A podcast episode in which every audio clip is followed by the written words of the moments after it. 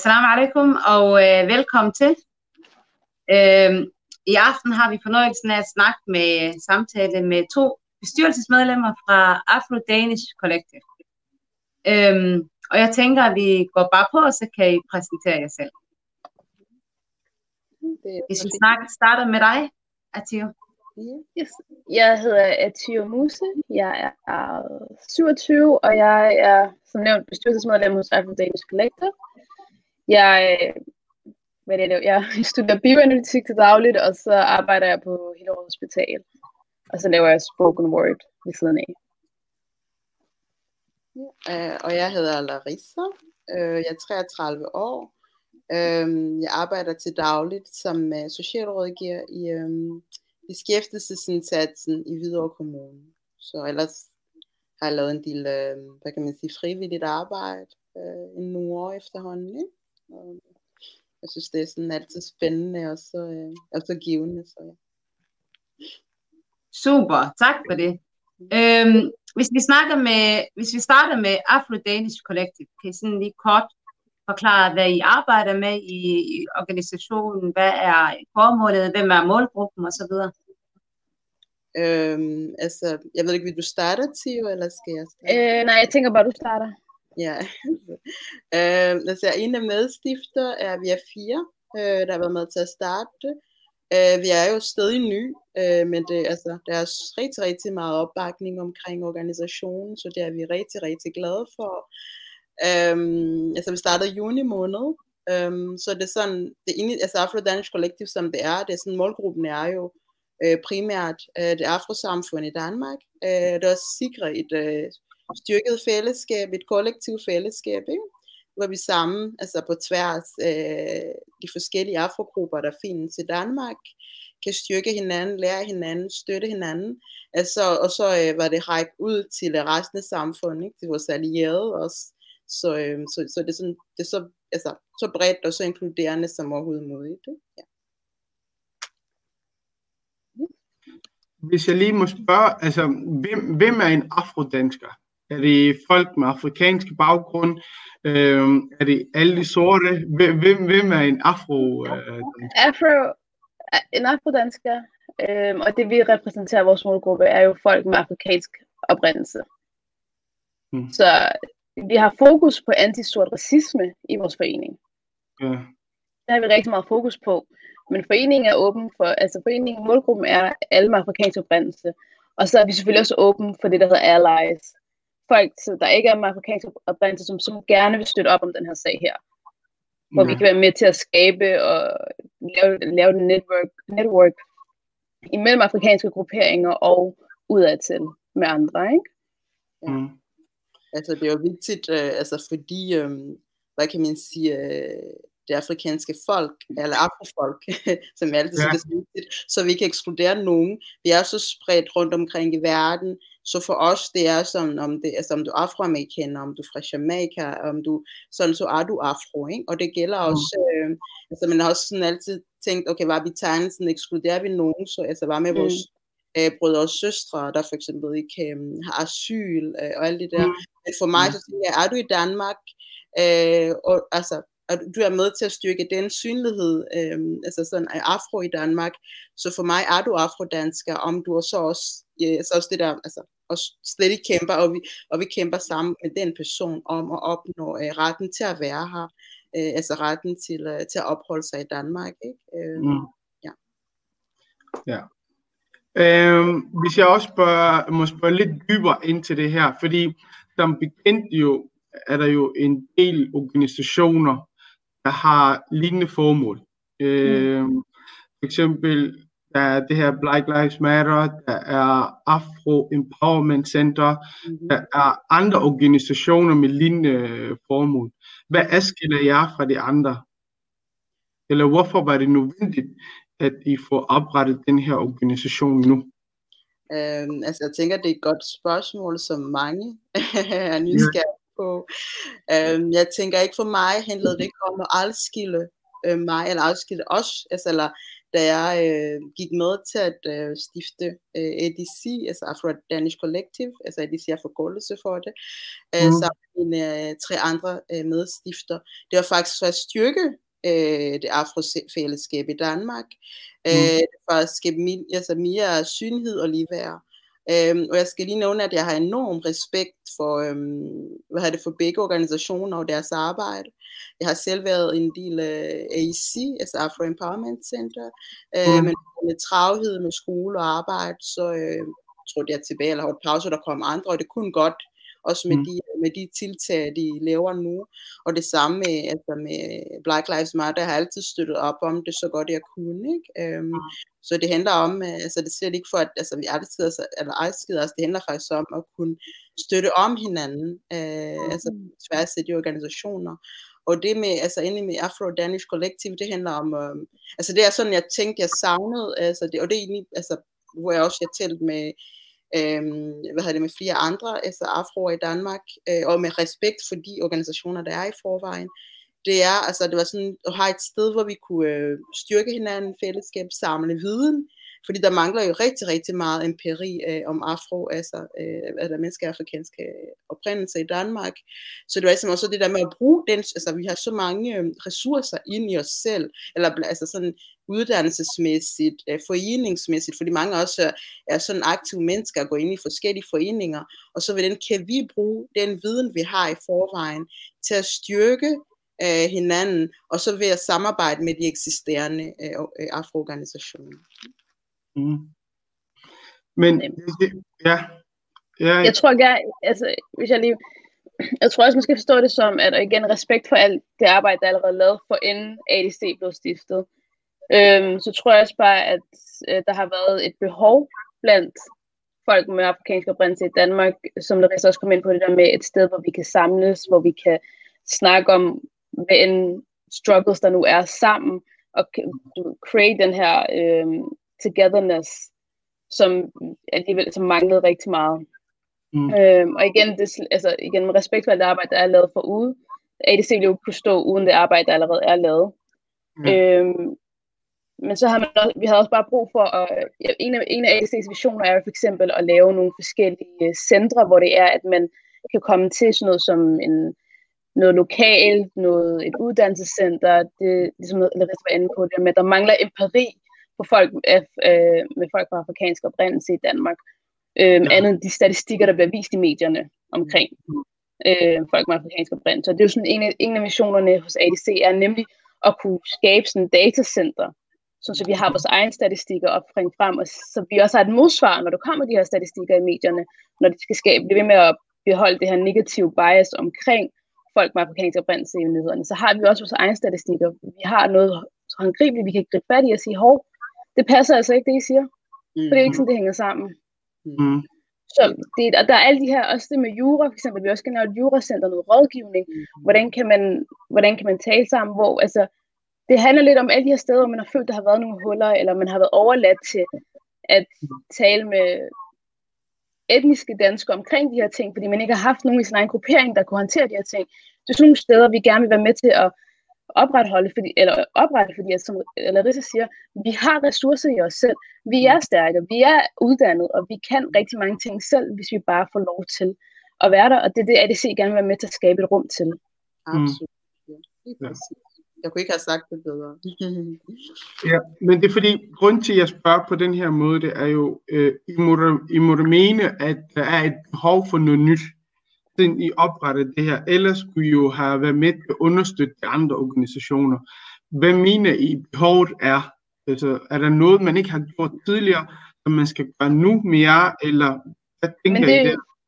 Det er jo sådan, det, det, det, jeg nævner, det der med, at vi mangler, der er et behov for det her struktur, de her, de her centre, de her adgang, den her adgang, folk har behov for at komme og tale om ting, om det mm. er øh, indgribelse fra kommunen, om det er øhm, på international plan, om det er i mm. Folketinget, altså de her, de her centre, hvor vi kan gå ind og skabe netværk, og komme ud som en samlet front til resten af, nu skal jeg sige verden, men mm. lige nu altså til resten af Danmark, hvor det er, vi kan mm. sige, hov, altså alle de her negative biases, der bliver ved med at blive proppet ned i halsen på os, de passer altså ikke. vi har et center her, der kan forklare om de her statistikker med, hvor mange stærke ved, sorte kvinder, der er uddannet og gør de her ting selv, ikke er hjemmegående, eller hvor mange, øh, nu kan jeg ikke komme med et bedre eksempel, men, men altså det der med, at vi vil gerne skabe forskellige centre, hvor vi kan støtte hinanden, hvor vi kan bakke hinanden op, bruge de ressourcer, vi har i os selv, og træde mm. frem med de her ressourcer. Og det er det, vi, det, jeg tror, det er det, der har manglet behov for. Det, der har været, det, jeg tror også derfor, at ADC har fået så meget medvind på så kort tid. Fordi at man kan se den her vision, man kan se potentialet i, at ADC gerne vil skabe de her centre, gerne vil kunne være et connecting place for alle med afrikansk oprindelse. Det, det er sådan lidt det, der er vores mål. Ja, nemlig ja, altså sådan vidensbaseret øh, centre, altså forskellige centre, øh, som uddannelsescentre, healingscentre, mm. juridisk rådgivning, Øh, og som sagt igen, så er det jo, altså det som, eller vi er jo yderst taknemmelige for øhm, de eksisterende afro øh, organisationer, fordi de har givet os inspiration og mod også mm. at, at, øh, altså at sorte også kan organisere sig i Danmark. Så det er som at bygge videre på det, der er i forvejen, for vi har inspiration og tænker, okay, hvordan kan vi så gøre det her? De er specialiseret på det her område, og så er vi specialiseret på det her, og så ved vi ikke, hvem vi vil inspirere om fem år eller ti år til at tænke, hvad kan vi så gøre, altså sådan ikke, eller forbedre, eller sådan, øh, til også at styrke det, det afrofællesskab, øh, ligeværd og synlighed øh, på en positiv måde og mangfoldigt øh, i Danmark. Ikke? Så, mm. Men jeg tænker egentlig, har I haft nogle sådan, øh, politiske overvejelser i forhold til jeres tilgang, jeres arbejdsmetoder? Øh, hvis der har været en situation, den handleplan, I fastlægger, er der nogle øh, politiske overvejelser bag det? Med, altså, mener du, om vi har sådan en bestemt politisk tilhørsforhold? Ja egentlig ikke, fordi altså, det er også vigtigt at huske, at øh, altså, inde i det, også i det afrosamfund, så er vi også forskellige politiske overbevisninger. Mm.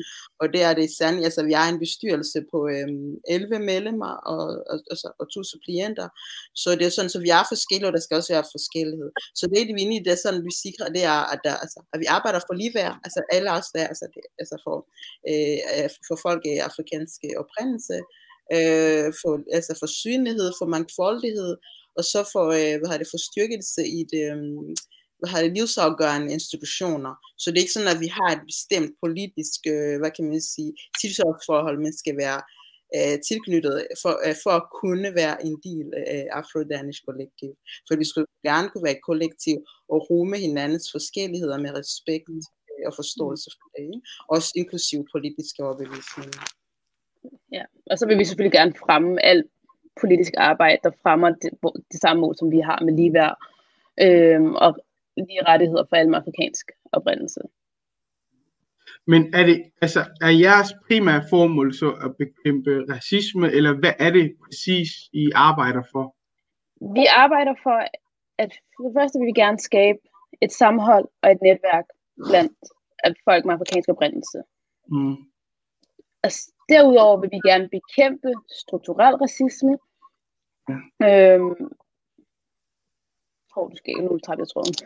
Ja. Vil du prøve at definere begrebet strukturel racisme, bare for vores ser os? Altså, jo, strukturel racisme er du, altså, det, der, det, der, der, kan man sige, det er de strukturer, der er i samfundet, som gør det svært øh, for os, øh, som øh, for eksempel, altså, eller det, det rammer jo øh, altså racialiseret, og så det her, det er sådan, den, den, den del, vi vil kæmpe allermest, det er den, der rammer altså menneske afrikanske øh, reakomst, ikke? når det er svært for, øh, altså for os at få arbejde, øh, ja. Når vi skal kæmpe øh, altså hårdere for, at, øh, for en uddannelse, øh, altså også det der med bare fritidsklubber for børn, altså kunne spille mm. fodbold og kunne gå til fritidsaktiviteter uden at skulle øh, kæmpe yderligere, så det der med at kunne få øh, altså sådan at kunne eksistere øh, og få livskvalitet i altså livsafgørende institutioner, som er sundhedsvæsenet, på uddannelsesområdet, arbejdsmarkedet, foreningslivet osv. Jeg tror, jeg tror, det med racisme, vi kommer tilbage til det, fordi vi, vi har brug for at tale mere omkring, hvad racisme er, hvordan definerer man det. Men jeg tænker, vi skal lige gøre jeres formål og tænke færdigt først, så alle det er med på, hvad er jeres formål, og hvordan I vil arbejde med det, I nævner. Så I snakkede om, at I vil gerne skabe et sammenhold øh, blandt afro-danskere øh, i Danmark. Øh, hvad ellers så? Og så sagde I strukturel racisme. Ja. Er der andre mål, I, sådan, I sætter jer for? Altså at kæmpe også, øh, hvad hedder det, antisort racisme, øh, Mm. og så altså og undertrykkelse af afrodanske og mennesker afrikanske altså afstamning. Så, Mm. Og så det der med så også det der, og det er også det, der er meget vigtigt for os, det er også, øh, altså det er også vigtigt, at vi sådan, hvad kan man sige, at vi arbejder øh, på begge fronter. Altså det der med, at vi bekæmper altså, de strukturer, der gør det svært for afrodanskere at opnå ligeværd i det danske samfund, samtidig med, at vi styrker os selv indad. Altså sådan, ikke? Altså, og sådan også altid husker på de ressourcer, vi har ind i os selv, og hvordan vi kan bruge det til at styrke hinanden, til at rådgive hinanden, øh, til at lære hinanden. Altså det kan være sådan sprog, altså for eksempel hvis der, altså det kan være for eksempel nu fra mit land, øh, børn, der Mm. vokser her, altså øh, hvad er det, der bliver, eller børn, der bliver født her, og ikke har mulighed for at kunne lære sproget, som, øh, som jeg har kunnet, øh, eller dem, der er ældre end mig, og så kunne være med til det. Det kan være dans, det kan være altså kulturelle normer, og så få dem Mm. også til at bygge bro til øh, hvad hedder det, det danske samfund, og så altså andre afrosamfund, så man ligesom vokser op og har den der forståelse for øh, altså den der sådan intersektionalitet, og det der fællesskab også, altså for at kunne skabe det allerede tidligt ikke? i det, mm. i det afrosamfund på tværs øh, af de forskellige afrogrupper øh, i Danmark. Ja. Øh, I forhold til så jeres mål, for eksempel det her med fællesskab, hvordan vil vi kunne gøre det? Hvordan vil I kunne arbejde for? Eller hvad, hvad gør man for at skabe et mere fællesskab blandt afrodanskere, for eksempel? Det synes jeg allerede i dag. Ja. det gør vi, ikke? Altså det der med, at altså, vi sidder jo øh, gud, altså, med forskellige nationaliteter, øh, hvis jeg kan ja. sådan fra Kongo, Gambia, øh, Nigeria, altså hvad hedder det, Lesotho, øh, Jamaica, øh, afroamerikanere, øh, Ghana, mm. Somalia, altså Rwanda, Ja. øh, og undskyld, hvis jeg har glemt nogen, det er Nej. med Sierra Leone, så vi er altså allerede der, altså det synes jeg, fordi vi har sådan, jeg kan huske, da jeg begyndte at komme til de her forskellige arrangementer, øh, afroarrangementer, om det har været om H, eller øh, altså spoken words, eller hvad ved jeg, så var det som altid en- lyst til at, altså til ikke at være undtagelse.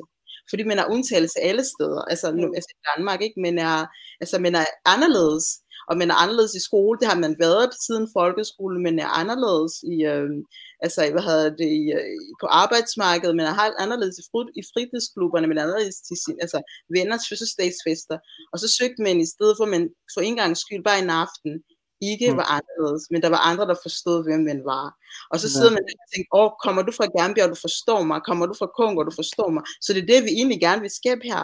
Så når man Ja. ja. kigger på det her sådan, øh, hvad kan man sige, øh, altså når man kigger på bestyrelsen i øh, Afro-Danish Collective, så kan man tænke, okay, det her, det er en mangfoldig repræsentation af Ja. ja. afrodanskere, eller det afrosamfund i Danmark, og vi vil selvfølgelig gerne sprede det ud så meget som, som Ja. Så, Jeg ja. tror også gerne, jeg tror også gerne, at vi på sigt gerne vil fremme den her, eller skabe det sammenhold ved netop at have nogle workshops, hvor vi Ja. netop kan bruge, hvor vi netop kan italesætte de forskellige elementer i det afrodanske samfund, sådan noget som, at vi er jo ikke, vi er jo ikke et homogen, bare fordi man er afrodansk, er jo ikke ens med, at man er homogen. Vi er ikke alle sammen ens. Vi har alle sammen forskellige øh, kulturer, forskellige religioner, forskellige, altså forskellige tilhørsforhold, hvad end vi nu er fra. Og de her forskelligheder skal i tale sættes, de skal, øh, de skal hyldes, og ikke længere bruges som sådan nogle skræmmekampagner imod hinanden, om at, du ved, vi kan ikke lide dem, fordi de er ikke øh, ligesom os -agtigt. Mm. Altså, vi skal, vi skal kunne komme ud over det her med, at speaking the language of your oppressors, mm. hvor det er, at man er blevet pinned down imod hinanden, og, der, og dertil komme frem til en måde, hvor vi kan begynde at hylde hinandens forskelligheder, og sådan mm. hylde de ting, der binder os sammen. Fordi Mm. mm. der, er- altså, der er jo en forskel mellem at være øh, fra østafrikaner og være muslim, og være øh, fra Kongo og være kristen. Altså, vi har, Mm. nogle, vi har nogle forskelligheder, og de her forskelligheder skal vi kunne hylde, og vi skal kunne være sammen omkring det her, de her forskellige ting. Og Mhm. det tror jeg, vi gerne vil forsøge, jeg tror i første omgang, i hvert fald vi har talt om, at vi vil gerne have nogle workshops, hvor vi får i talesat, Ja, hvordan, hvordan, hvordan er det, altså hvordan er din oplevelse af det, og hvordan er din oplevelse af det, og hvordan kan vi hylde hinandens for, forskelligheder. Mhm. Ja. Hvordan, hvordan vil I så bekæmpe racisme, for eksempel? Der er, jeg har set, der er en gruppe, der havde sådan den her borgerforslag, øh, der hedder, hvad var den, det hed? Fi- Øh, 34 et eller andet, jeg kan ikke huske navnet. Ratify øh, 34, ja. Ja, Ratify, øh, Ej, Ja, sådan konkret borgerforslag, som man vil gerne have, at man skal vedtage her i Danmark. Hvad gør I så konkret for eksempel for at bekæmpe racisme? Altså for det første, så vil vi gerne sige, at øh, altså, vi bakker op om det borgerforslag, øh, fordi det er altså med til at styrke øh, altså afro i Danmark, øh, absolut. Øh, Ja. og så, så vi er lige startet, men vi er meget, meget, meget i gang, ikke? Altså med, hvad hedder det, med handleplaner, øh, specifikt for eksempel på skoleområder, vil vi gerne samarbejde med, eller med, øh, hvad hedder det, med folkeskoler, så vi kan Mm. gå ind sådan i forhold til pensum, ikke? Øhm, sådan, fordi det er jo, altså det er noget, altså, allerede fra sådan at kunne øh, være med til at oplyse, hvad kan man sige, skolerne, skolelærer, men også børn og styrke børn, afrobørnene, det er også så de børn, det er også, så de kan eksistere, øh, Mm. altså sådan at få, altså sikre deres livskvalitet, også når det er i skole, øhm, så fordi vi, altså vi desværre hører om de der kedelige historier, ikke, om børn, der Mm. kommer grædende hjem, fordi, øh, Ja. altså, ja, for, altså fordi de ikke øh, føler sig, hvad kan man sige, hjemme, eller hørt, eller set, eller det ikke må være dem selv i skole. Ja. Også bare helt det der, også bare helt det der narrativ, der er i skolen med, at det første, man lærer om sort, det er, det er slavetiden, eller kolonisering, eller altså udgangspunkt i, hvad du bliver ind- ind- indoktrineret i allerede fra barns ben omkring, hvad det vil sige at være sort, for eksempel. At det kommer allerede et sted fra, fra slave, slavetiden, og det er bare, altså sort historie er bare så meget mere end det. Og grund til at sige, at afrikansk historie er bare så meget mere end det. Så det er også nogle ting, man gerne mener i tale, så der gerne vil kunne få lov til at snakke om. Vil, vil I være med til at ændre pensummet, eller hvad, hvad, siger I der? Ja, i forhold definitely. Definitely. Altså, jeg kan, definitely. Ja. Det vil vi gerne, ja, altså, ligesom Matthias var inde på, det der med, altså hvad med de positive historier om afromennesker, ikke? Altså Mhm. om, om det der sådan, altså det der, altså, der eksisterede, for, eller det der jeg i forvejen, det der var før, altså slavehistorien og kolonitiden, ikke? Altså også Ja. det der, altså, også det der med at kunne give børn, altså positive, øh, altså læsebøger, og, og det er kun, altså det gælder ikke kun afrobørnene, men også, altså hvad er det, man så gør i helhed for samfundet, ikke? Altså det der med at give et mere savligt, altså nuanceret billede af at være, mm. øh, altså børn af afrikanske oprindelse i Danmark, så det er kun det der, når så var I slaver, og så blev I koloniseret, så er det Mm. kun fattigdom, og det er kun krig, og det kun Mm. mm. undertrykkelse, og det kun uro i jeres lande. Men hvad med de positive, altså, øh, hvad hedder det, ting, øh, og historier og fortællinger, øh, som er øh, altså, øh, om afro, øh, eller om mennesker i afrikanske oprindelse, og det vil Mm. vi have frem, øh, særligt allerede, altså, øh, fra, skole, øh, fra skolebænken, eller folkeskolen. Fordi det er med. Så det jeg vil sige, det er egentlig ikke så meget, at man ikke skal i talesætte øhm, den her meget mainstream i talesættelse af afrikaners øh, historie, men at lancere den allerede fra folkeskoletiden. Absolut, absolut. For det er med til at der er jo noget, vi ikke kan komme udenom, øh, når man taler afrikansk historie. Så er der nogle ting, vi ikke kan komme udenom. Øhm, og der er et meget, meget negativt sprogbrug og retorik omkring det, når man i tale sætter det, vi ikke kan komme udenom, og vi ikke kan gøre noget ved. Men det handler om retten til at være med til at nuancere. absolut Definitely. og definere det. Altså det er selvfølgelig, jeg synes, eller selvfølgelig skal vi ikke øh, ud, eller eller jeg vil ikke, eller vi vil ikke være med til at udslette, altså slaveriet, det er sket. Eller Ja. men det skal vi også være bevidst om. Mm, Men, er men det også, skal være, ja, altså, sorry, ja, det skal bare, ja, sorry, det skal, det skal også bare være nuanceret, og det skal også være, det handler også om sprogbrug, det handler også om, hvordan man i talsætter det. Der skal ikke gå børn i skoler, og der skal høre på deres historielærer omtale øh, sorte mennesker som nære, eller som, hvad end det nu er af sprogbrug. Der er så meget skadeligt, bare i forhold til, hvordan man taler om de her ting i forvejen. Vi, som Larissa er inde på, vi er ikke ude på at slette historien, men vi, er heller, vi, men vi er også ude på, at narrativet skal ikke kun komme fra et vidt udgangspunkt. Det skal være nuanceret, og vi skal have hele historien med, allerede fra barns ben af, fordi det er, det er traumatiserende, og det påvirker et barn, når man bliver mødt af, at din historie stammer kun fra dengang dit folk var slaver, eller dengang dit folk blev koloniseret, øhm, eller dengang, altså, det, at du kommer kun for undertrykkelse, eller at folk som dig kommer kun for det og det. Hvis man som barn allerede bliver indoktrineret med sådan nogle ting, så er det, altså, du, har nogle for, du gør forudsætningerne i livet svære for de her børn her allerede på det punkt. Så vi Mm. skal være med ind til at kunne tale, og det igen, vi snakker om de her strukturelle, strukturelle rammer, vi skal kunne være med ind til at rette op på de her ting, og ikke at vi skal slette, eller vi skal nægte, hvad der er sket, sket er sket, men det skal være nuanceret, vi skal have hele billedet med. Mhm. Ja, Det- det minder mig faktisk om, nu er det ikke så meget et spørgsmål, men jeg kan godt forstå eksempelvis som mor, at det er vigtigt at have øhm, en anden stemme i folkeskolen, når man har børn. Eksempelvis så havde min søn kristendomsundervisning, og så havde, øh, så havde læreren sagt, at vi er alle sammen børn af Gud, og vi er alle sammen børn af Adam og Eva, og så var der en, der spurgte, hvorfor er der nogen, der så er sorte, og nogen, der er hvide. Mm. Og så vidste hun ikke helt, hvordan hun skulle gå til det spørgsmål, så hun endte egentlig bare med at sige, at det er fordi de sorte børn blev glemt i ovnen, der Gud bagte. Den historie har vi fået at vide som børn. Ja, og, og børn har du med at tro på, at alt hvad læreren siger, det er rigtigt. Så han kommer hjem og var meget ked af det, fordi at, at Gud havde glemt os i ovnen og sådan nogle ting. Det det. Men det er også at i talesæt. Øhm, det er måden, det bliver Det handler ikke om at blive krænket. Ja, det handler ikke om at blive krænket, men det handler om, at man er med til at skabe en identitet for de små børn og hvilken betydning har det for dem i fremtiden. Ja. Og som du selv er inde, og som du selv er inde over, en lærer er en autoritet. Mm, det er noget, et barn ser op til, og det, altså, det lærer siger er korrekt, fordi det er der, der, vi lærer noget fra. Så hvis jeg allerede fra en person i tidligt møder en person, en autoritet, jeg skal kunne respektere og kunne forstå, og det de siger til mig er en endegyldig sandhed. Hvis den endegyldige sandhed så er, at jeg er et undertrykt menneske, eller jeg kommer kun fra undertrykte folk, eller altså jeg er allerede som otteårig sat ind i en boks af a second class citizen, fordi jeg er ikke lige så god, eller lige så dygtig, eller jeg kan ikke så meget, fordi det har mit folk aldrig kunnet. Folk som mig kan ikke sådan her ting. Så vi er nødt til at være med til at ændre stemmen i, hvordan der bliver talt om os. Vi skal ikke længere kunne finde os i, at øhm, der bliver talt om os, eller øh, talt om os, og ikke talt med os. Ja, det, det er, og det er sådan nogle ting, vi, det er sådan nogle ting, vi er i det kæmper rigtig meget for. Det er sådan nogle ting, vi taler om rigtig meget om hvordan går vi ind og gør det her. Og det er igen sådan igennem antiracistiske workshops, øh, være med til at se, om vi kan få noget indflydelse i pensum, øh, trække alle de tråde, vi nu kan. Fordi det hele ender tilbage, vi er ressourcestærke, vi skal bruge vores netværk, og vi skal bare, altså, vores tid er nu, og vi skal igennem. Absolut. Og forskning også. Og så det der med at huske, ja. jeg kan huske, det er sådan, altså jeg har, jeg, eller i starten så var det der med, jeg kan huske det der sådan tankegang om, at vi blev opdraget med brush it off, ikke? altså eller ryste af, af vores ja. forældre, vi kom her som uh, flygtninge eller migranter, og så henter det også sådan om det har overlevelse, så hvis du har oplevet det her, så bare ryste af og gå videre i skolen, og så skal ja. vi, det er sådan det der med, at grunden til også, at de siger så vigtigt, synes jeg, det med at sige, vi er også en styrke og hvad kan man sige, en berigelse i det danske samfund.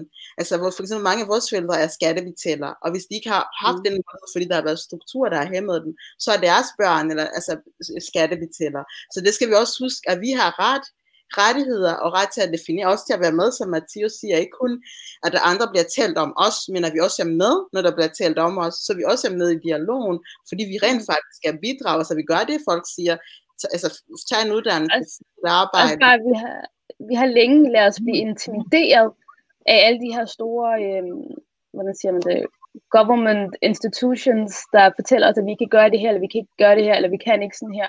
Vi har længe ladet os blive intimideret, den, intim, den frygt har gjort, at man ikke har vil stå op for sig selv, eller vil sige noget, eller vil gøre noget, fordi man er bange for, enten så kommer de og tager vores børn, eller så øhm, siger de, at øh, altså, sender os væk, eller hvad de nu gør. Man har, der er sådan en frygt, man, man har været bange for, at hvis man siger noget, eller man, man står imod, at, man, at, man, at der sker noget forfærdeligt med en. Det er sådan en, en, en eller anden traume, man har fået i hvert fald.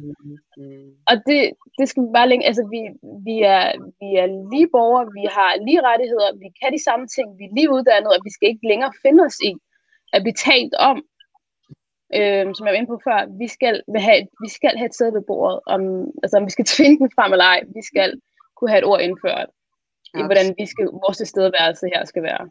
Og det er også derfor, det er også rigtig vigtigt for ADC, at vi får, vi får et sammenhold mellem alle med afrikanske oprindelse. Vi får skabt det her solide fundament, hvor vi alle sammen også først og fremmest kan være med hinanden, og kan snakke med hinanden, og få i talsæt alle de her rammer og strukturer, der øh, står, i, står i vores vej, når vi bare gerne vil leve vores hverdagsliv.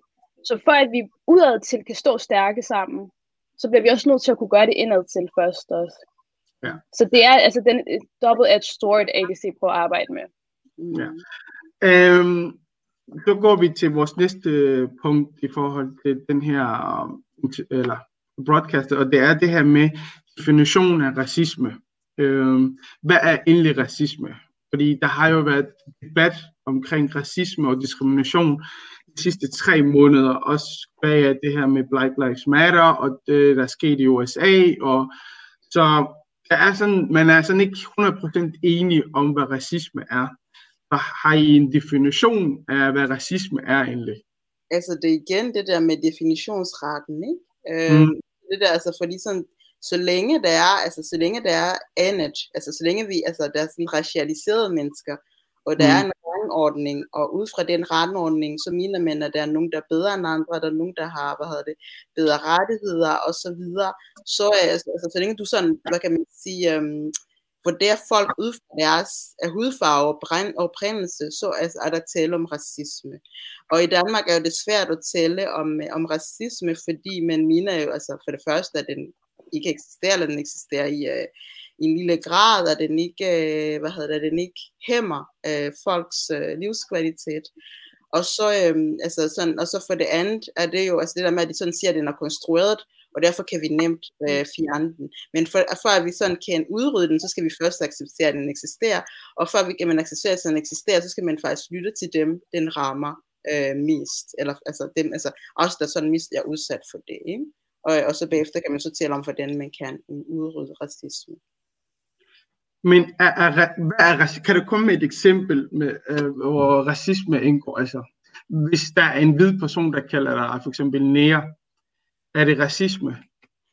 Øh, det, er, altså, det er sådan ret sjovt at sige, eller fordi jeg havde, jeg kan huske, jeg har haft det sådan de der diskussioner, øh, også til sådan, eller samkomster og så videre, hvor mm. der så der sådan sagde, jamen, at, øh, altså, fordi det er et ord, der eksisterede i Danmark i, mm. øh, hvad kan man sige, i lang tid, øh, og før, øh, hvad hedder det, afromennesker var en del af det danske samfund, selvom de egentlig har eksisteret længe, øh, mm. og så mener man, at, øh, altså, at det der med, at man bruger, altså, at det der med, at vi gerne vil fjerne det, så ud, eller hvad er, det, er vi med til at øh, udslette det danske, eller den danske historie, og så og det er jo ikke for dem, når de, når de bruger ordene, så er det ikke racistisk. Så er det ikke sådan, altså det er ikke for at sove mig eller nedgøre mig, og når de bruger det i forhold til, at det kan være flødebåder eller så videre.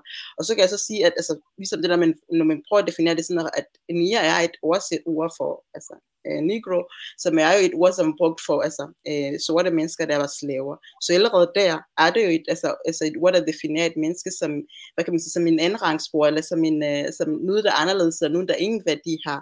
Og når man holder fast i det ord, selvom flere til, eller mange, altså der er blevet undersøgelser, øh, også på Facebook og så videre, altså hver gang man, altså, man fastholder det, der er nogen, der trykker det i aviserne, eller det, altså, i nyhederne, man siger, at man skal holde det, fordi det ikke er racistisk, og vi så siger og refererer til, at det ord, der blev brugt altså om slaver, og først når man mm. har fået fanget de der mennesker, og derfor er det racistisk, og det skal afskaffes, så, øh, så, tænker, altså, så tænker jeg, det er altså, hvis man holder fast i det, efter man har forklaret det, eller forklaret, ja. at det ikke skal bruges, så tænker jeg, at det, altså, det er jo, og hvad kan man så holde fast i kolonielle øh, historie, som er stedet mm. øh, altså, øh, for, eller mod sorte mennesker. Ja, men altså det her med nære, om det er racistisk eller ej, altså al min høflighed er jo ikke at folk det, ikke vil kaldes. Det er meget simpelt. Men det jeg, det, jeg tænker på, det er i forhold til, hvis der er en, altså lad os nu sige, ordet nære, det er racistisk. Lad os nu bare sige det. Hvis en hvid person kalder en af os nære eller eller andet, vi lige definere det som racistisk, eller vi definerer det som øh, uvidenhed, eller fordomsfuld, eller hvordan vi definerer det. Fordi når jeg snakker racisme, så snakker jeg om strukturel racisme.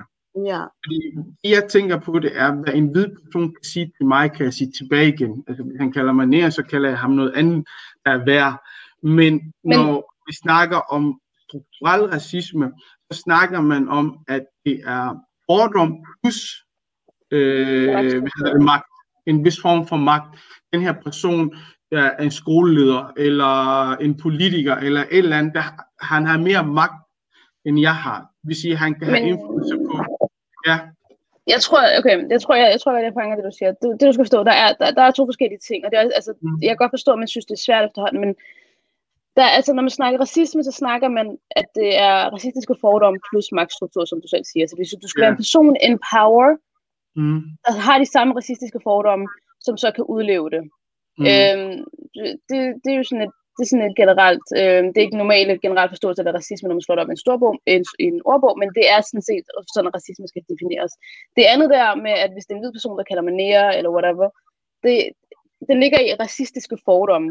Man kan have mm. racistiske fordomme, men uden en magtstruktur, så er du bare med til at fastholde folk i en bog, men du kan også godt samtidig være med til at bibeholde eller vedligeholde de her racistiske hvad strukturer, der er skabt ved at bruge dine racistiske fordomme. Så jeg kan godt forstå, at den, det kan være tricky, men altså, det er jo heller ikke mere, end at man lige sætter sig ind i, hvad de her begreber egentlig er. Så altså, som du sagde, vi, jeg tror godt, vi kan være enige med, at racisme er øhm, racistiske fordomme plus en magtstruktur. Det er det borgerforslag, der var kommet her med at rive nogle boliger ned, for eksempel i ghetto, ghettoplanen. Øhm, det, er jo, det, er jo, det, er jo, det er jo klokkeklart racisme. Det er jo klokkeklart folk, der har nogle, altså folketingspolitikere har nogle racistiske fordomme omkring en gruppering af mennesker, der bor et sted, og derved hvad nu, agere ud fra de her racistiske fordomme ved at kunne få lov til at rive de her boliger ned, hvor de her mm. mennesker bor i, fordi de har nogle fordomme, at når der er så mange mennesker af en anden etnisk herkomst, der bor sammen et sted, så gør de sådan og sådan, og så de vil lave ballade med, eller brænder ting ned, og bla, bla bla. Og på baggrund af den bias der, der har man så brugt den magt, man har til at rive de steder ned, de bor i. Jeg tror det, også, det er sådan et klassisk tror, eksempel på racisme. Ja. Og så tror jeg også i forhold til det der altså selve, altså nier, eller uret nier, fordi det er noget andet, hvis jeg møder nogen i gården, altså der hvor jeg bor, og velkommen kalder mig nier, og jeg kan kalde velkommen noget andet, og det rammer mig ikke, øh, altså på mit livskvalitet. Øh, mm. Altså, så er det sådan, så det er så fint et sted i grimt, og jeg vil ønske, at det ikke var sket. Men det der med for eksempel, når det fastholdes i bøger, som øh, altså skolebørn kommer til at læse, mm. og det mm. fastholdes i, altså i skolebøger som altså gymnasie, og, og, og på politiske plan, men nægter at afskaffe dem, fordi det er en del af altså den danske historie, mener man, og en del af, hvad hedder det, den europæiske historie. Så det er mm. igen, mm. der, der, hvad hedder det, der nægter man os som afromennesker retten til at definere altså, altså hvad er det, sådan, hvad er det, der giver os livskvalitet? Og mm. hvad er det ikke også det der med, når man så siger, at det her ord er med til at fastholde os i en, øh, altså en rangorden, der ikke er sundt, og der ikke er godt for os, og heller ikke for vores børn og efterkommer, så er man også så er det strukturelt også, ikke? Så, så igen, så fjerner man også den der magt, mm. øh, altså sådan giver os magten til at definere os selv, og magten til at faktisk være med til at forandre samfundet, øh, til, altså til, et vis, til et sted, hvor vi, altså, hvor vi får mere livskvalitet som, øh, som afrodansk og ligeværd. Ja. Skal vi lige tage det, Mohammed, skal vi lige tage det spørgsmål i kommentarsporet? Ja. ja. Der er nemlig ja. kommet nogen. Men der er et af spørgsmålene, der lyder således, er organisationens formål at bekæmpe racisme, eller øh, at kæmpe for alle minoriteter, der ikke ses som etniske danske for deres problemer da alle grupper ikke kæmper imod samme former for racisme. Den skal de have igen. Ja, det tror jeg også. Øh, tror jeg altså når formålet er eksempelvis at bekæmpe racisme, er det så øh, en kamp for alle minoriteter, som ikke ses på lige fod som etniske danskere, øh, fordi at de forskellige grupper hver især kæmper med forskellige former for racisme. Vi, okay, jeg tror, at det, der skal stå, er, at øh, vi har, øh, hvad skal sige det? vi har fokus på antisort racisme. Det vil sige, vores, vores fokus frem, for, frem øh, først og fremmest er antisort racisme. Og det er selvfølgelig det, vi kæmper op, op imod. Men det er ikke ens betydning med, at vi heller ikke bakker op om andre minoriteter, når de bliver udsat øh, for racisme. Det altså, tror jeg, det er ja, det er faktisk det. Altså, det er sådan, først og fremmest så er det altså, for at styrke øh, altså afrodanskere, for at kæmpe mod øh, altså strukturelle rammer, der hovedsageligt rammer af øh, sorte mennesker i Danmark. Men som Mathias siger, altså hvis der er en eller anden, der altså hvis der er en anden racialiseret gruppe, der skulle opleve, altså øh, hvis der så eksempel en sag, der skal kæmpes for, så, vi, så bakker vi selvfølgelig op om det, fordi øh, i altså, bund og grund, så ønsker vi lige være for alle medborgere i Danmark. Øh, men altså primært så kæmper vi mod, øh, mod antisort racisme, øh, og de, den, eller de strukturer, der, hvad hedder det, der hæmmer øh, livskvalitet for, for altså mennesker i afrikansk oprindelse i Danmark. Godt. Øhm, et andet spørgsmål. Hvordan forholder I jer til ghettopakken? Mener I, at det er afledt af strukturel, systematisk racisme? Givet fald, hvordan vil I handle på det? Vi kan jo ikke fornægte, at en stor del af afrodanskere er bosat i de såkaldte ghettoer vi, vi er helt enige med, at ghettoparken er afledt af strukturel racisme. Det, det er klokkeklart, altså det, det, det reneste form for et eksempel på klokkeklart racisme. Øhm, vi, er selvfølgelig, vi står selvfølgelig imod alt, hvad der er, har med, med de her ghetto, ghettoparker at gøre. Øhm, og vi gør, hvad vi kan for at kunne sige imod, eller sige fra over for det i hvert fald. Ja. Altså, altså udsægeligt så kæmper vi jo for alle former for, øh, for struktur, der gør det svært for, altså for afrodanskere at eksistere i Danmark. Og det gælder også på boligområder. Altså fordi når man sådan, altså, nedrører boliger, eller øh, nægter altså, at folk af etnisk øh, herkomst at flytte ind på visse områder, fordi der er en kvote, eller der er altså, mm. allerede en stor procentdel, og der skal helst ikke være for mange, så er man jo med til at gøre det svært for folk at kunne mm. leve et godt og sundt øh, liv. Så, altså, så, det, så, så det er så fint, det, det, det, det, um, det, det er også en kamp, vi støtter op om. Øh, altså, altså på, eller lovgivningsmæssigt og kampagnemæssigt øh, og så videre. Godt, vi tager de sidste spørgsmål, der også er her. Øh, fedt med fokus på folkeskole og pensum. Men hvordan bekæmper man strukturelle racisme, når det politiske landskab benægter, at det hersker i Danmark? Ligeledes at de diverse institutioner i Danmark fremmer egen før andre, der man ses som gæster i huset.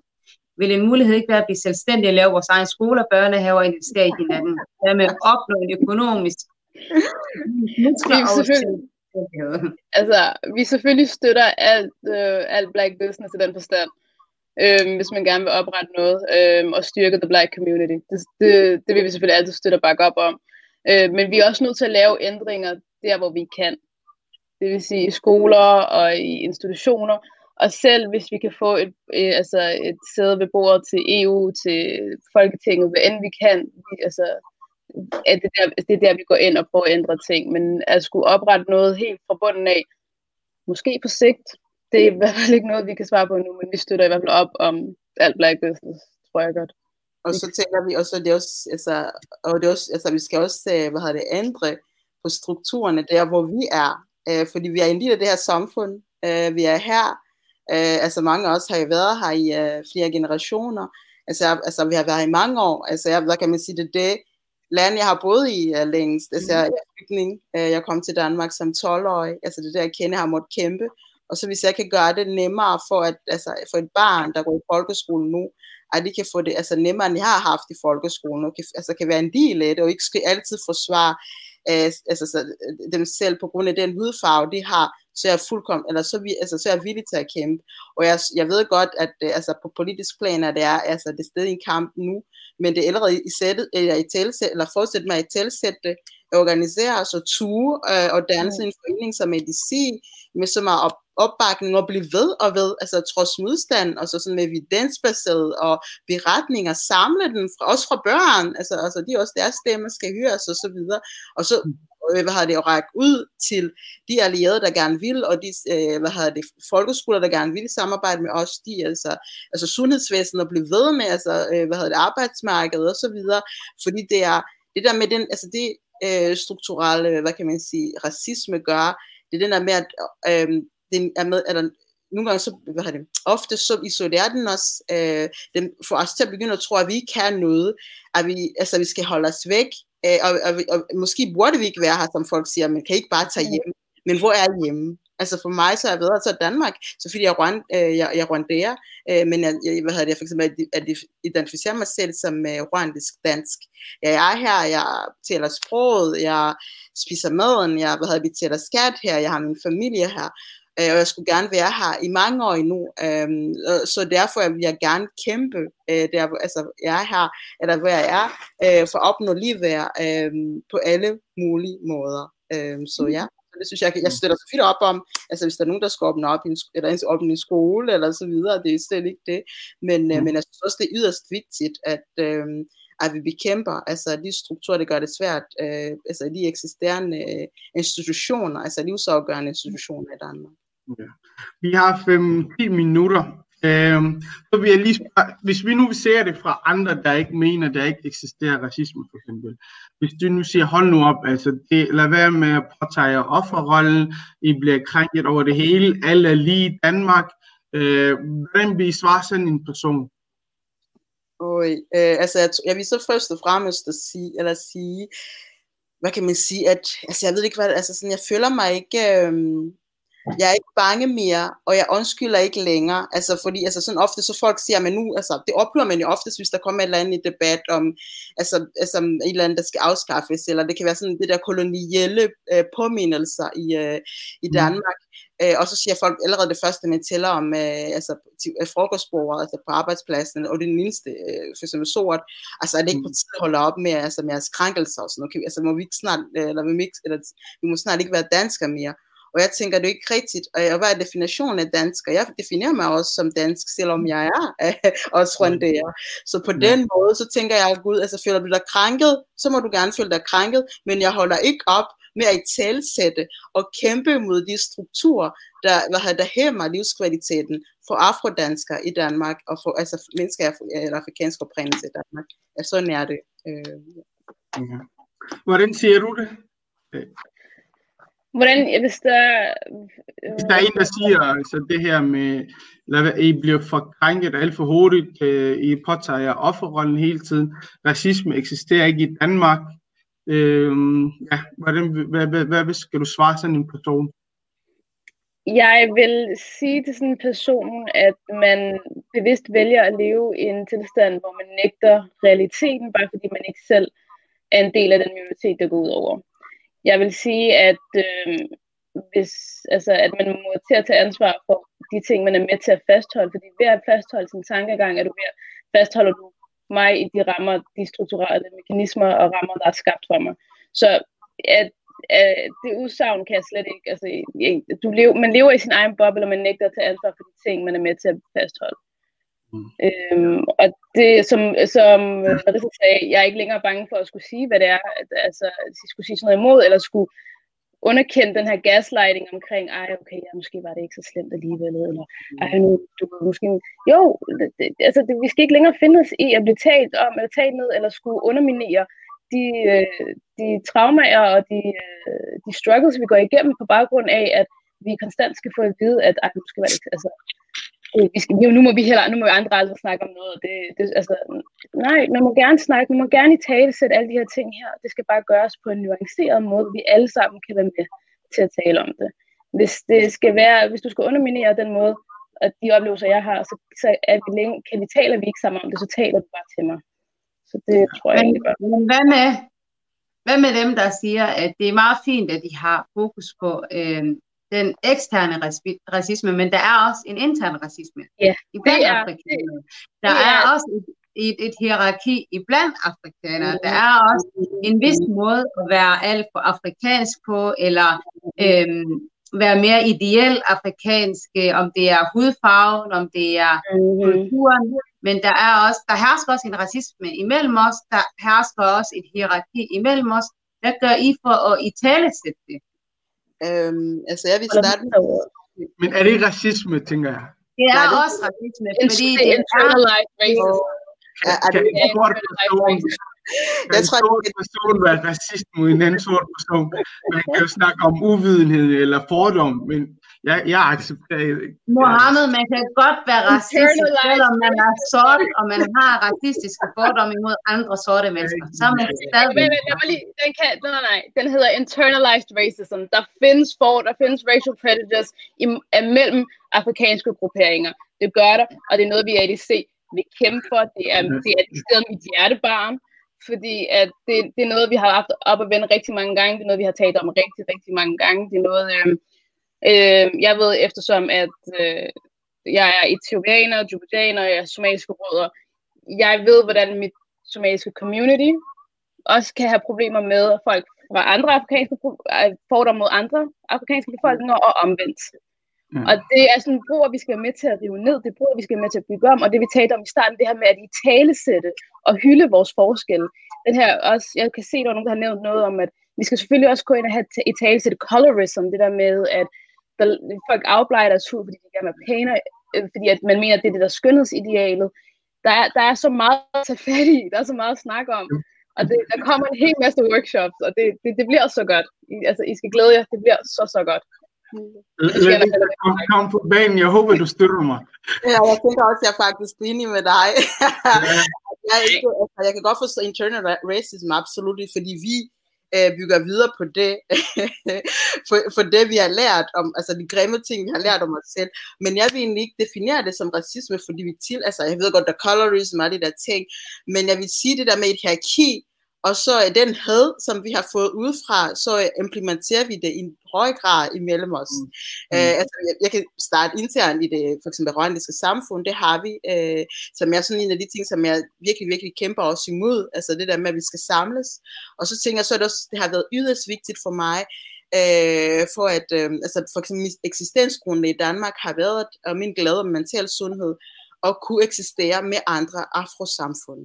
Øh, fordi så vil jeg faktisk altså, kunne sige for eksempel i forhold til, det, den øh, somaliske befolkning, fordi jeg er jo den største afro-samfund i Danmark, så har jeg været for mig, at sådan, allerede fra Sandholm-lejen, så var det sådan den første sort familie, jeg så, eller vi så, min familie og jeg, det var fra Somalia.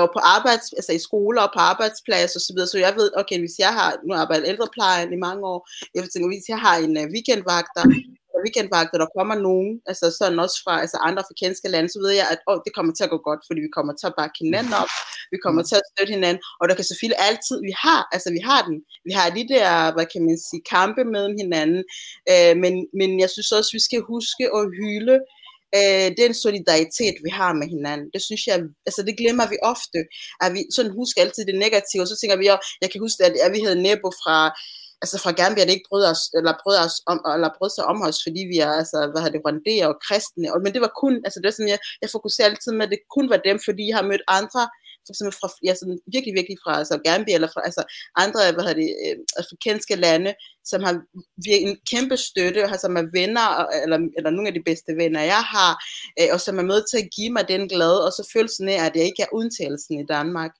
Så, mm. øh, så jeg ved, at de der strukturer er der, men der er også en fantastisk styrke i os, øh, som vi også lever. Altså min største intersektionalitet findes i det afrosamfund. Og det, altså, det er noget af det vigtigste for mig, jeg værner om og har respekt for, så, så jeg tænker... Det, det er lidt synd, at vi skal ja. snakke om det her, når vi afslutter, men hvis jeg lige hurtigt kommer med en forklaring, fordi jeg, jeg, jeg mener ikke, at en sort person kan være racistisk mod en anden sort person, fordi alt det her, det stammer jo fra kolonitiden. Jo lysere du var, og du var tættere på den hvide mand, jo mere fordel fik du, og det er der, det der den her struktur kommer fra. Mm. Men alle kan have fordom, alle kan være fordomsfulde, men racisme har jo en definition, kan vi, men vi når ikke at blive Du har et minut. kommentar. Jeg vil gerne lige sige, der, der er det her phrase, der, der, der er en sætning, der hedder Speaking the language of your oppressor. Og det er generelt det, jeg tænker, der sker, når det er, at der er fordomme med afrikanske hvad hedder det, grupperinger. Det er med, at man har fordomme mod andre afrikanske grupperinger mm. på baggrund af, hvad man er blevet lært og indoktrineret gennem generationer. Og det er de her ting, vi skal være med til at nedbryde. Det er, de her, det er netop de her ting, vi skal blive brug ud til. Det er også derfor, at ADC vil rigtig gerne stå stærkt med alle forskellige afrikanske grupperinger og skabe workshops om, hvordan vi hylder vores forskel. Og så har jeg lige jeg kan se, der en kommentar, der hedder, at racekampen foregår kun i USA, og værdikamp i Danmark blander ikke værdikampen ind i racekampen. Og så vil jeg gerne bare lige afslutte med at sige, at vi skal ikke, øh, vi skal ikke ADC skal ikke, vi skal ikke bruge USA som markør for, hvordan mm. det vil sige at være sort, eller markør for, altså racekampen mm. er der, den racekamp, de har derhen, og det skal vi selvfølgelig støtte op, støtte op om. Men vi skal fokusere på den, den racisme, og der findes i Danmark, og det er det, vi kæmper for. Så vi blander ikke værdikamp sammen med retskamp mod sag. Det er to adskilte, to adskilte, eller to ting, vi prøver at adskille fra hinanden. Så ja. jeg vil bare lige gerne have lov til at kommentere på det. Ja, så jeg, jeg vil bare sige til den kommentar, at altså, racismen findes i Danmark. Øh, den udviser sig bare på forskellige måder, end den gør i USA. Mm. Så i USA er den jo bare, altså den er så, altså, så sådan ikke, man kan ikke undgå det, sådan det der med at blive skudt på gaden, og alle de der ting, at der er nogen, der altså, ringer til politiet, bare fordi man står der. Øh, men i Danmark findes den altså også, ikke? Altså i forhold til det der med, at du går altså, til, til lægen, og du skal nærmest øh, fælde om, før at du bliver til alvorligt og sendt til en specialist.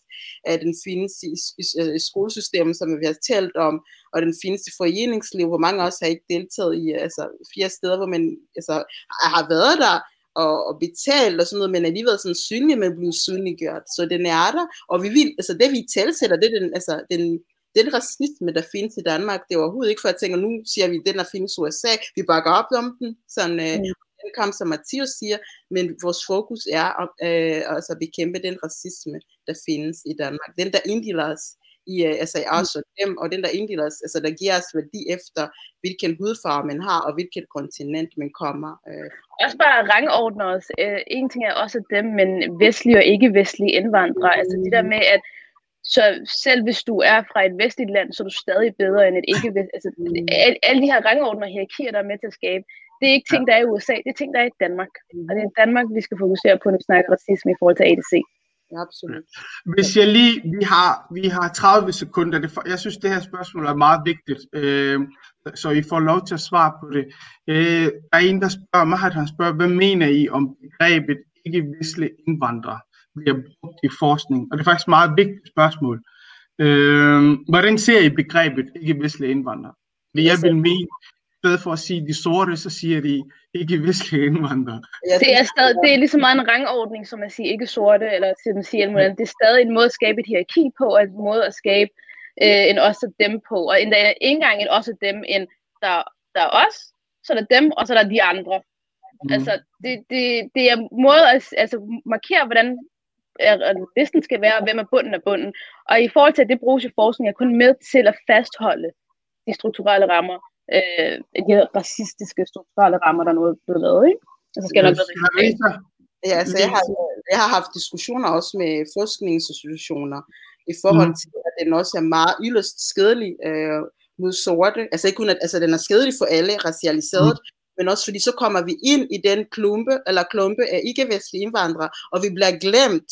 Det vil sige, mm. der skal statistikkerne, det skal være evidensbaseret, øh, altså viden og så videre, så bliver vi glemt, fordi vi bare er med. I uh, ikke altså vestlige indvandrere, men det er ikke specifikt, hvordan er det så sorte mennesker er, hvad er deres livskvalitet, hvordan adskider vi os og hvordan er vi så en del af fællesskabet. Vi kommer bare med, men så, altså, så når vi så ind i, når der, der skal blive talt om, hvordan er man afrikaner, eller hvad, hvad det vil sige at være afro, øh, øh, hvad hedder det, dansk, eller menneskeafrikanske herkomst i Danmark, så, kan, så er der faktisk mange mennesker, der ikke svarer på det, endda på højere institutionelt niveau, fordi vi er kommet ind i en stor gruppering, der hedder ikke-vestlige indvandrere. Så det er også meget vigtigt, at vi er også med til at definere øh, os selv i den øh, kategorisering.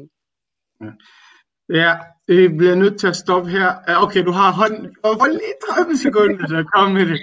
10 sekunder. Ja, nej, 10 sekunder. Ja. Jeg gerne lige se kommentarsporet, der står, at ikke vestlige er de muslimer, og at den kører, eller man kører en hets mod islam osv. Mm. Øhm, jeg vil gerne lige sige, at bare lige her til slut, jo, det er helt korrekt, at der findes en rigtig stor islamofobi i Danmark. Altså, der, der køres en decideret hets mod muslimer, men det, ændres, det ændrer ikke, at når du er i en, hvad nu, når du også er sort, og der også er en hets mod dig, men når du er i den intersektionalitet, hvor du både er muslim, og du både er sort, så er du, altså du er så langt ned på ranglisten af, af hvad hedder det nu, af folk, der, af de mennesker, hvad det er, du er så langt ned på ranglisten i hvert fald, at ja. man, skal ikke, man kan ikke kun sige ikke vestlige, hvad hedder det nu, er lige muslimer, fordi ikke vestlige er lige alle, der ikke er fra et vestligt land, det vil sige alle, der er fra Afrika. Mm.